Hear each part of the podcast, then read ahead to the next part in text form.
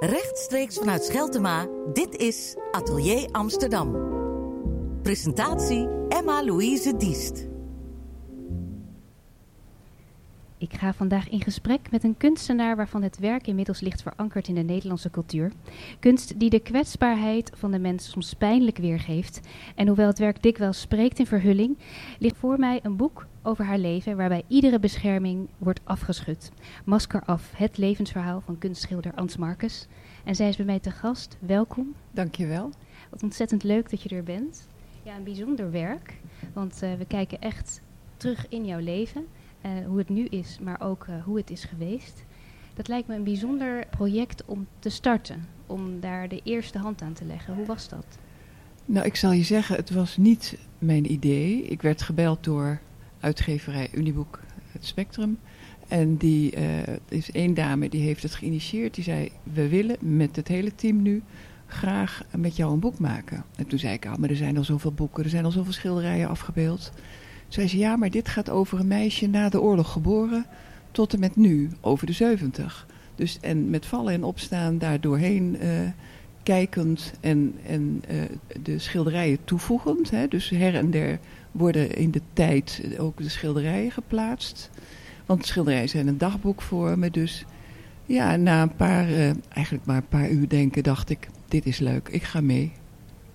En dan moet je toch even gaan zitten en de pen pakken in ieder geval die rust vinden om even terug te gaan in de tijd. Zeker. Hoe was dat? Kan je herinneren hoe dat was om de eerste, eerste woorden papier te zetten? Uh, ik werd steeds uh, geïnterviewd. Dus um, heel veel verhalen, verhalen, verhalen. En het ene was wel interessant, het andere niet. Maar die eerste periode was wel, ja, je moet een beetje graven. En ik merkte ook, je gaat, uh, er zijn een aantal laadjes die je voor jezelf dicht hebt ge, geschoven. Die laadjes gaan weer open. Ik was ook een periode een beetje down, dat ik dacht, waarom ben ik nu somber? Het is helemaal niet nodig. Alles, is, alles is prima. Maar juist doordat je dan in dat verleden gaat, waar ook dingen gebeurd zijn die niet leuk waren, die laadjes doe je weer even open. En dat komt weer, dat komt weer bij je binnen. Dus je moet, ja, ik, het is wel een heel uh, proces geweest om, uh, om weer in het verleden te kijken en, uh, en naar, de, naar een positieve toekomst te werken. Ja, want je bent ook echt bij het begin begonnen. We, ja. we zien jou als klein meisje. En dat er dan op een gegeven moment iets aangewakkerd wordt. Dat in één keer dat gevoel ontstaat van in dat schilderen of in dat tekenen. Daar, daar ligt mijn kracht. In ieder geval, daar kan ik heel veel mee. Uh, dat moment heb je heel mooi geschetst in het boek. Dat, je, uh, dat, dat komt in de kerk, dat je een boekje krijgt. En dat eigenlijk dat voor jou heel belangrijk wordt. Kan je dat omschrijven aan ons, wat er dan gebeurde? Nou, het, het, uh, er was in Halfweg, waar ik geboren ben, was een zondagschool. Een kerk waar de zondagschool werd gehouden. En als, als, als klein meisje weet ik dat ik daar, mijn ouders en wij zijn eigenlijk helemaal niet gelovig. Ik ben niet gelovig opgevoed. Maar ik ging naar die zondagschool en daar uh, zat ik op de eerste rij en dan kregen we een boekje mee naar huis. En dat was het belangrijkste. Daar stonden van die lijnen in waar je zelf de kleuren in mocht aanbrengen. En zelf de tekeningen verder af mocht maken. En dat was het punt. En daarnaast, toen ik elf was, zag ik mijn grote broer, die tien jaar ouder was, portretjes maken. Dus er zijn wel dingen die daar dus echt getriggerd hebben. Waarvan ik dacht, dit wil ik en dit moet ik en dit zal ik. Ja, dat is een hele mooie herinnering. Ook mm -hmm. heel helder. Mm -hmm. Heel veel mensen hebben misschien niet die herinnering, maar je hebt dat echt bijna gekoesterd. Toen je begon aan dit werk, had je toen wel het idee van, nou, die wil ik erin brengen? Of kwam dat zo bij je op tijdens het schrijven? Ja, alles komt voorbij. Dus dit, dit, dit is voor mij zeker die elfjarige, dat elfjarige meisje, hè, die naar haar grote broer kijkt en die denkt van, jeetje, dat, uh, dat wil ik ook. Hè. Ik wil ook die portretjes maken die jij maakt dat moment is voor mij het aller, allerbelangrijkst geweest. En dat, uh, ik, ik kan niet terugkijken zonder daarnaar te kijken. Dat is voor mij natuurlijk niet wetende wat. En oh, ik, ik heb ook nooit gedacht, ik word kunstenaar of ik word creatief of wat dan ook. Dat tekenen was gewoon, ja, ademen voor ja. mij. Je noemt daar een paar hele belangrijke woorden. Kunstenaar, uh, artisticiteit. Dat zijn uh, thema's in jouw leven die heel belangrijk zijn geworden. Maar dat zijn woorden. En je, hebt al, je maakt nu net ook die, uh, die overgang van een gevoel wat je eigenlijk hebt. en het woord. Was dat moeilijk tijdens het schrijven, dat je dat verband moest leggen of die, Ja, ik, twee werelden naast elkaar had? ik denk dat ik, eh, omdat ik schilder en misschien van jongs af aan in beelden denk. Hè, ehm, en ook in gevoelens naar beelden toe denk. Niet bewust, maar dat, zo ben ik, denk ik. Daar, ehm, ja, daar, dat was voor mij niet moeilijk. Dat was voor mij niet moeilijk. Ik, ik, ik, ik, ik zie ook echt mijn, mijn hele, eh, mijn hele eh, carrière, zeg maar, het schilderen, het tekenen, zie ik echt als een dagboek. Een ander schrijft het op. En ik dacht hè, van, van, van de, de, de daklozen die er waren, of de, de, de, de oude handen van mijn moeder, die periode dat zij 101 werd. Maar ook daarvoor, dus het onzekere, het te jong trouwen, eh, het ongelukkig huwelijk. alles wat, hoe je in het leven staat, discipline hebben of niet, ehm, doorzetten of niet. Kijk, mijn ouders waren mensen uit de oorlog, die hebben de oorlog meegemaakt. En bij ons thuis, toen ik klein was, was flink zijn, aanpakken, doorgaan en niet zeuren. Nou, dat was het. Tegenwoordig is het af en toe wel een beetje een knuffelmaatschappij, waar, waar iedereen toch wat, ehm, en dat is goed hoor, wat zachter met elkaar omgaat. En ik ben natuurlijk niets tekort gekomen. Mijn moeder was een, een tijger als er iets met mij mis zou zijn, maar het is wel zo dat, dat, dat eh, flink zijn en, en niet flauw doen, dat zit er dan in. Dat wordt, dat wordt je met de paplepel, eh, met de paplepel ingegeven. En je omschrijft dat een beetje als een soort hardheid misschien. Ja, het was ook al een harde tijd. Kijk, er waren mensen uit de oorlog die gewoon geen geld meer hadden. Geen geld, hard, hard werken, hard werken. Mijn vader kreeg van de- op zijn zeventiende de baan die, die, die beëindigt op zijn, ja, in de zestig. 40 jaar bij dezelfde baas gewerkt. Hoor, hoor je ook niet meer tegenwoordig, maar dat was toen. En eh, iedere, cent, iedere cent werd apart gelegd omdat mijn ouders mij toch naar het lyceum lieten gaan in Haarlem. En omdat mijn ouders mijn broer toch naar de HTS lieten gaan. En het was niet het milieu waarin wij in feite opgroeiden. Het was meer ehm, ieder dubbeltje opzij leggen, want die kinderen waren belangrijk en die moesten een goede studie volgen. Dus ja, je kunt het als hard, maar ik geloof niet dat je het als hard mag, mag vertalen. Het is meer geen flauwekul, weet je wel? Aanpakken. En het heeft nog een tijdje geduurd voordat je ehm, daar je werk van gemaakt hebt. Eh, maar achteraf gezien ben je misschien ook wel weer gaan schilderen over de tijd daarvoor. Hoe heb je dat een plek gegeven in jouw leven dat het toch nog even duurde voordat je begon? Nou, eh, er zijn in je leven altijd bepaalde momenten, soort eh, ja, fases kun je het noemen, maar je kunt het ook paaltjes noemen die je, die je in je leven zet. Hè? Paaltje met een vlaggetje. En dat was elf jaar, dat was twintig jaar, heel snel moeten trouwen, omdat ik moest trouwen. Ik was ondeugend geweest ik moest trouwen, maar ik was nog een kind in feite. Dan ben je dertig en dan ga je ja, scheiden, wat ook al een schande was destijds. Moeten trouwen was een schande, maar ook moeten of gaan scheiden was ook een, ook een schande. En dan eh, al die, die, die, die, die paaltjes waar dan een vlaggetje op zit, al die fases heb ik geschilderd. Dus het was mijn redding dat ik het kon verbeelden in, in mijn werk, zeg maar. Dat heeft me zo getroost, het heeft me heel veel gebracht, het heeft me geholpen om sterker te worden. Ja, het hielp je dus inderdaad in je leven, zoals je zegt. Maar wat je ook omschrijft, is: ik kan eigenlijk alleen maar iets schilderen als het me raakt. Ja. Wat was daarin? Het is natuurlijk je eigen, het is je, je eigen ervaringen. En als je ze omschrijft, het zijn niet zomaar ervaringen. Het zijn wel echt bijzondere momenten in je leven. Maar wat maakte dat dat voeding was eigenlijk voor het werk wat je ging maken? Ja, ik, kijk, ik denk wel eens als er een aantal dingen niet in mijn leven waren gebeurd. En ik was bijvoorbeeld eh, later getrouwd, ik had later een kind gekregen. Ik was eh, gaan hobbyen, ik was leuk eh, gaan golfen of gaan tennissen. Van allerlei leuke dingen gaan doen. Nu was er een noodzaak voor mezelf om me te uiten. En ik kon me maar op één manier uiten. Dus dat was dat schilderen. Dus, dus het, het, is voor mij zo'n vanzelfsprekend proces geweest. Dat ik, ik kan het eigenlijk niet anders uitleggen dan dat het, hoe het gebeurd is. Hè? De, de, de, die fases. En ehm, er is heel veel negativiteit geweest. in feite. Maar het is iedere keer weer omgedraaid naar positiviteit. En dat is ook iets waardoor de. Dat, dat, dat was ook met de uitgeverij. De dame in kwestie, Slatjana, die zei tegen mij: Zorg ervoor dat. Uh, of zorg ervoor.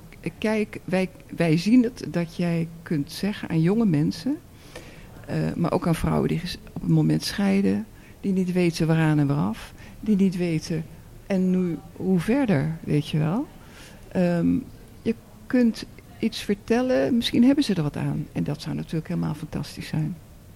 Heb je ook met dat idee geschreven dat je het belangrijk vindt dat je mensen raakt ook met je verhaal? Ik heb dat uit de ondervinding dat het zo is. Um, ik had laatst bij de fundatie een grote tentoonstelling, een paar jaar geleden. En er zijn meer dan 90.000 bezoekers geweest. Daar hingen de oude handen van mijn moeder, hè, die ik geschilderd heb toen ze 95 was.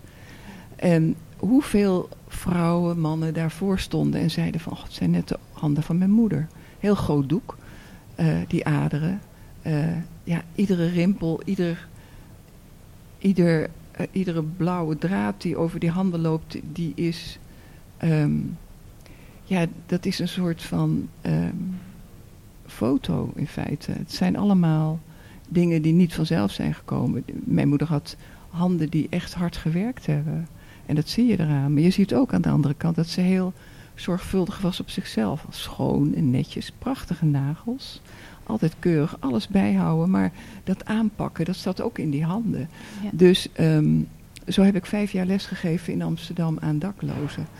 En daar heb ik zulke mooie mensen ontmoet die um, zulke mooie koppen hadden. Maar zulke, daarnaast nog zulke prachtige verhalen vertelden over, over succesvolle carrières. Een, een, huis in, in Amerika op Fifth Avenue.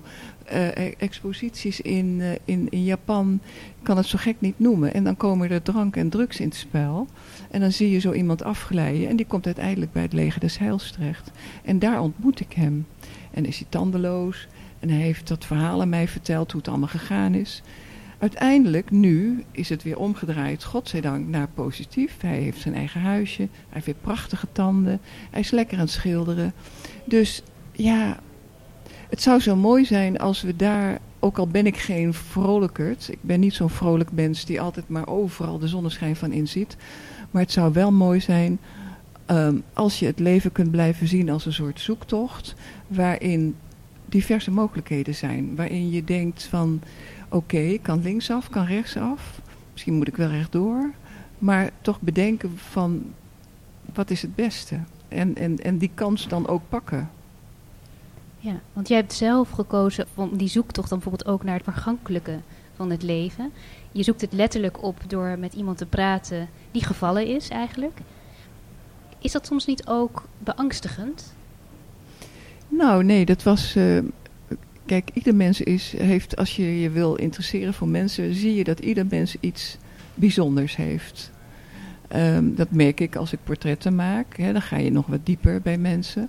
Je ziet of iemand uh, ja, heel afstandelijk is, of zichzelf fantastisch voelt, of, of iemand veel meegemaakt heeft, of iemand onzeker is. Nou, al die kanten en uh, al die facetten bij iemand, dat, dat is wel heel boeiend om mee te maken. En om daar ook je eigen les uit te leren. En om open te staan voor heel veel mensen. Dat gebeurde bij de daklozen, maar dat gebeurde ook toen, ik, uh, toen mijn moeder uh, in het bejaardenhuis woonde. En, en ik de laatste tien jaar naar haar toe ging om iedere dag gewoon even bij haar te zijn. En onze band steeds sterker werd en steeds... Um, ja, liefdevoller werd en zachter werd. Hè, wat, wat, wat een groot cadeau voor me was.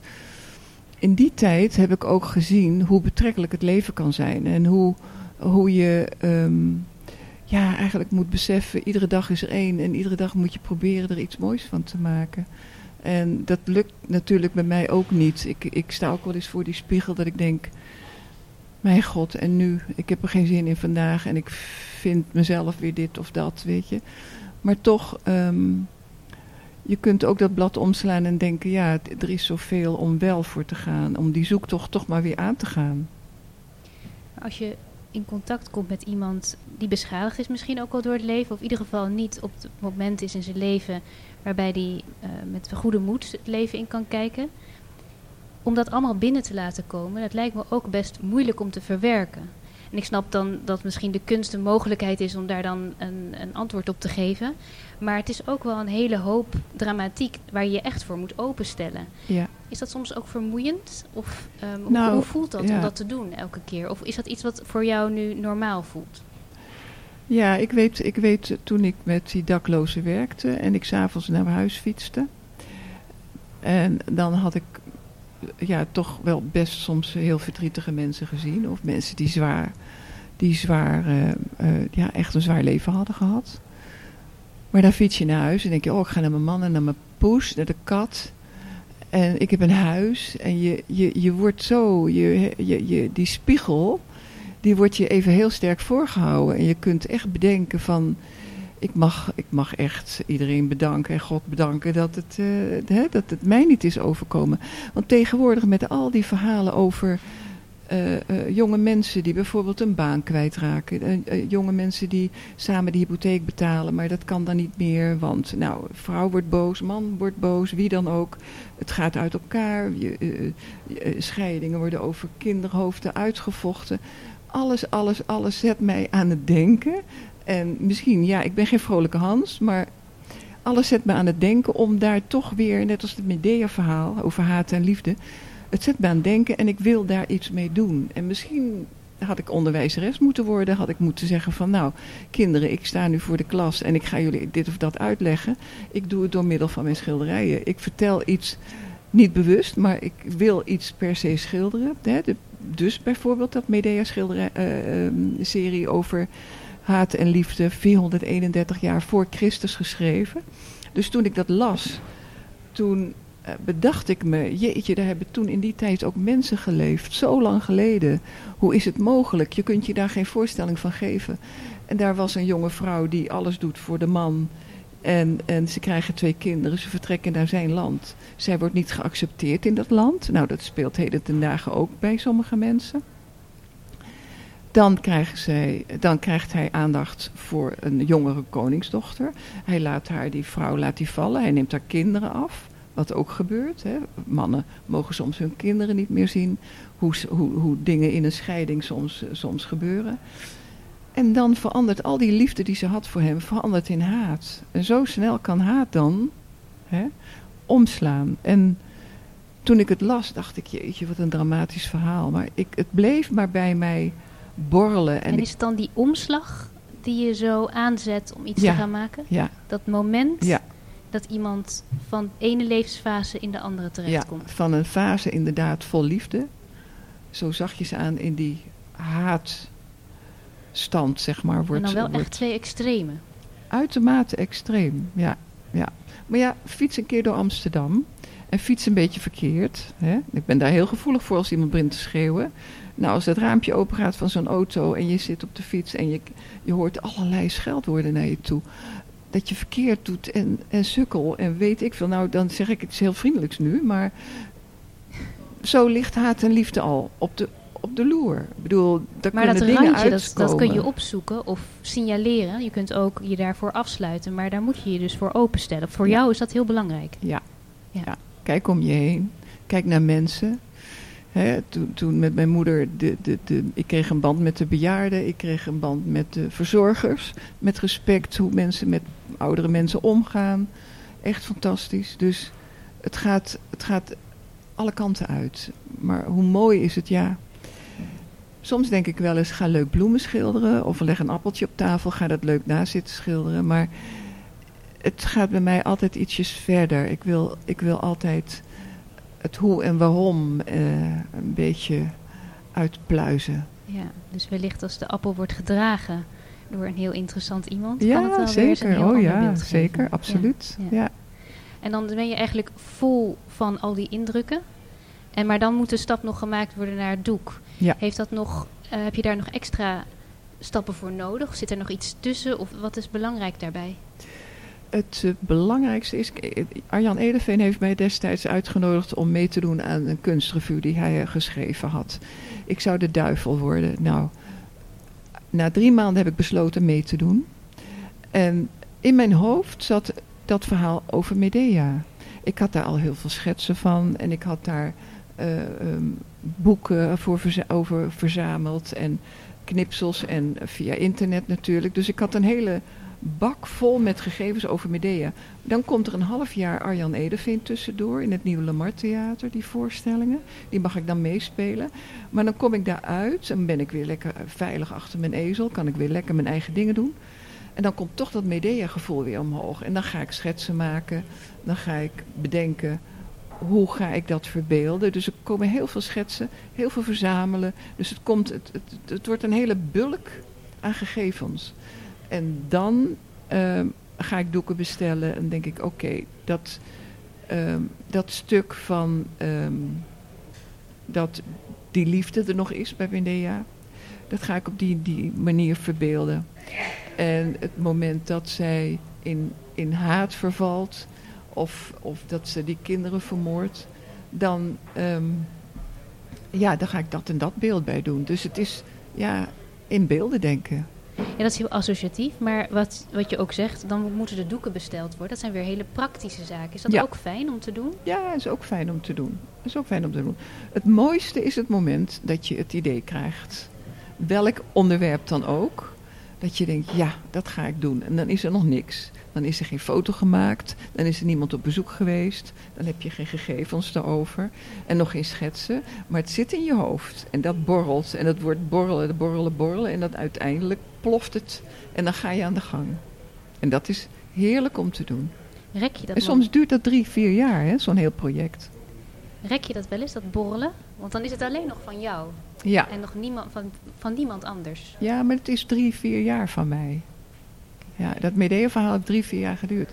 Die serie van mijn moeder, de vergankelijkheid, zeg maar, de cirkel van het leven, heeft ook drie jaar geduurd eer dat ik eh, een schilderij over verdraagzaamheid, hoe verdraagzaam en niet verdraagzaam wij tegenwoordig met elkaar kunnen zijn. Dat heb ik willen schilderen. Dus ik heb 21, 23 vrouwen van verschillende komaf, van verschillende landen, van verschillende nationaliteiten, verschillende huidskleuren, heb ik op een rijtje gezet. En die heb elkaar de handen laten kruisen als een soort eh, eh, eh, wij zijn één. Hè? En het, het heet ehm, de ketting van verdraagzaamheid. Dus ze vormen in feite een ketting. En daar ben ik ook zomaar drie jaar mee bezig. Dat is een, een doek van zes meter breed. Dus ja, ja ik denk, eh, ja, ik, ik, ik kan niks anders en ik wil ook niks anders. Maar tijdens dat schilderen eh, heb je dan steeds een, het doel voor ogen of het beeld al een beetje voor ogen wat het moet worden. Hoe werkt dat bij jou? Wat voor beeld speelt er in jouw hoofd als je schildert? Nou, zullen het, we houden het bij die verdraagzaamheid, zeg maar. Dus als je, als je iets van saamhorigheid eh, wilt verbeelden.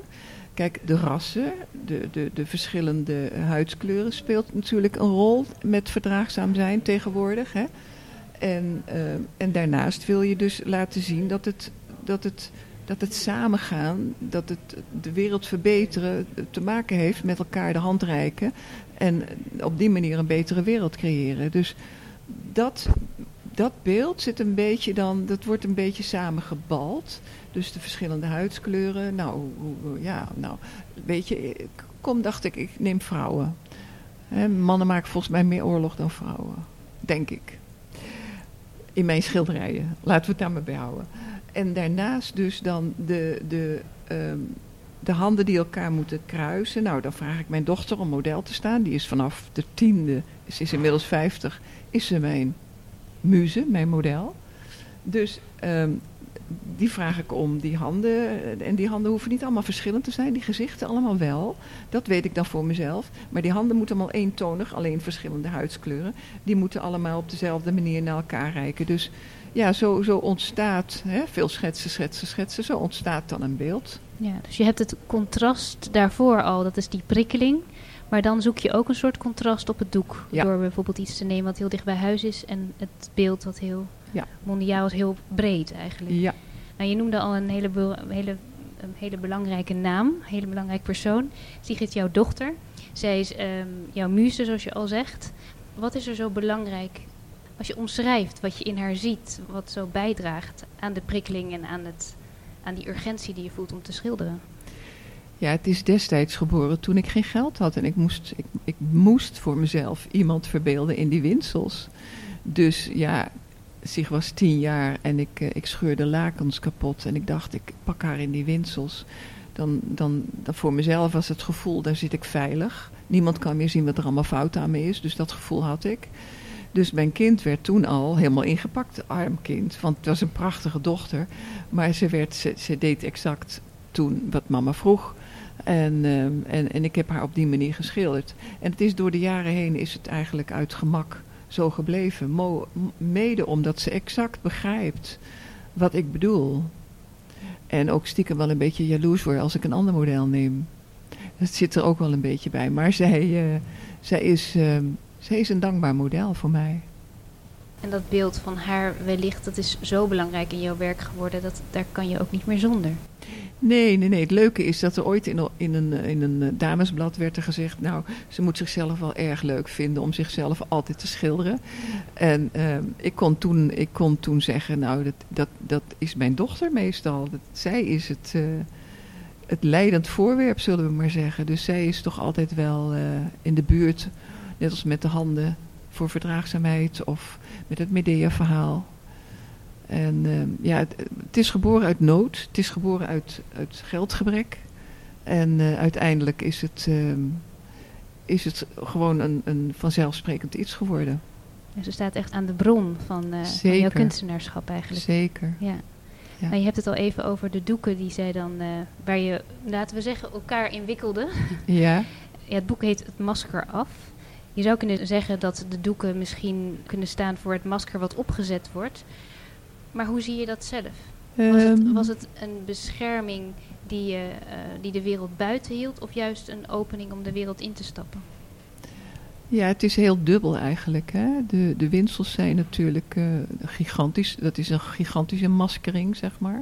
Ik heb ook heel veel maskers geschilderd. Omdat ik denk iedereen wel eens een masker op heeft. Iedereen doet zich wel eens beter voor dan dat je bent of voelt. En dat, um, dat mensen een bepaald beeld soms van me hebben. Um, een aantal mensen, niet iedereen natuurlijk, maar een aantal mensen hebben een bepaald beeld. En dat beeld is een, uh, een serieuze, strenge dame die, ja, die altijd maar met dat schilderen bezig is. En dat masker af wil zeggen dat ik, als je achter dat masker wil kijken, dat je kunt zien dat er hoop ik toch wel een heel uh, zachtaardig iemand zit. Ja. Ja. ja, we krijgen ook wel heel veel te zien. Maar ik vraag me af, is het echt nodig om een masker af te zetten? Of is het ook mogelijk om het masker gewoon op te houden en alsnog die openheid te behouden? Ja, nee, tuurlijk. Dat, dat, dat kan ook. Maar het symbolische van masker af, hè, van nu vertel ik alles. Hè. Ik ben altijd open geweest. In mijn, in mijn interviews ook. Maar dit gaat een heel stuk terug. Dit gaat zo ver terug dat, dat echt van een heel klein meisje naar een heel oud meisje, zeg maar. En als je terugkijkt op het werk, kan je er met plezier naar kijken? Sowieso. Um, kijk ik, als ik naar het boek kijk, kijk ik er met plezier terug. Omdat er hele fijne gesprekken waren. Hele fijne mensen om mee samen te werken. Dat is wel heel belangrijk. Dus dat zijn wel twee heel belangrijke zaken. En um, daarnaast, ja, al, alles um, wat ik maar kan schilderen, blijf ik, uh, ja, ik blijf het maar doen. Ik, ik ga maar door. Ik uh, kom zoveel dingen weer tegen op mijn pad. Ik heb al zoveel ideeën weer. Dus. Kan het werken als een prikkeling voor nieuw werk? Als je terugkijkt naar dit boek of als je het in je handen hebt? Um, ja, nou ja, het wordt ook weer. Het, het, Kijk, nu heb ik even een periode niets gedaan. Echt gewoon de aandacht voor het boek. Maar um, dan is het ook alweer zo dat het gaat prikkelen van... Net als toen ik de, de, de kunstrevue met Arjan meedeed. Hè, die, die 95 voorstellingen. Dat ik één zinnetje had en dacht van...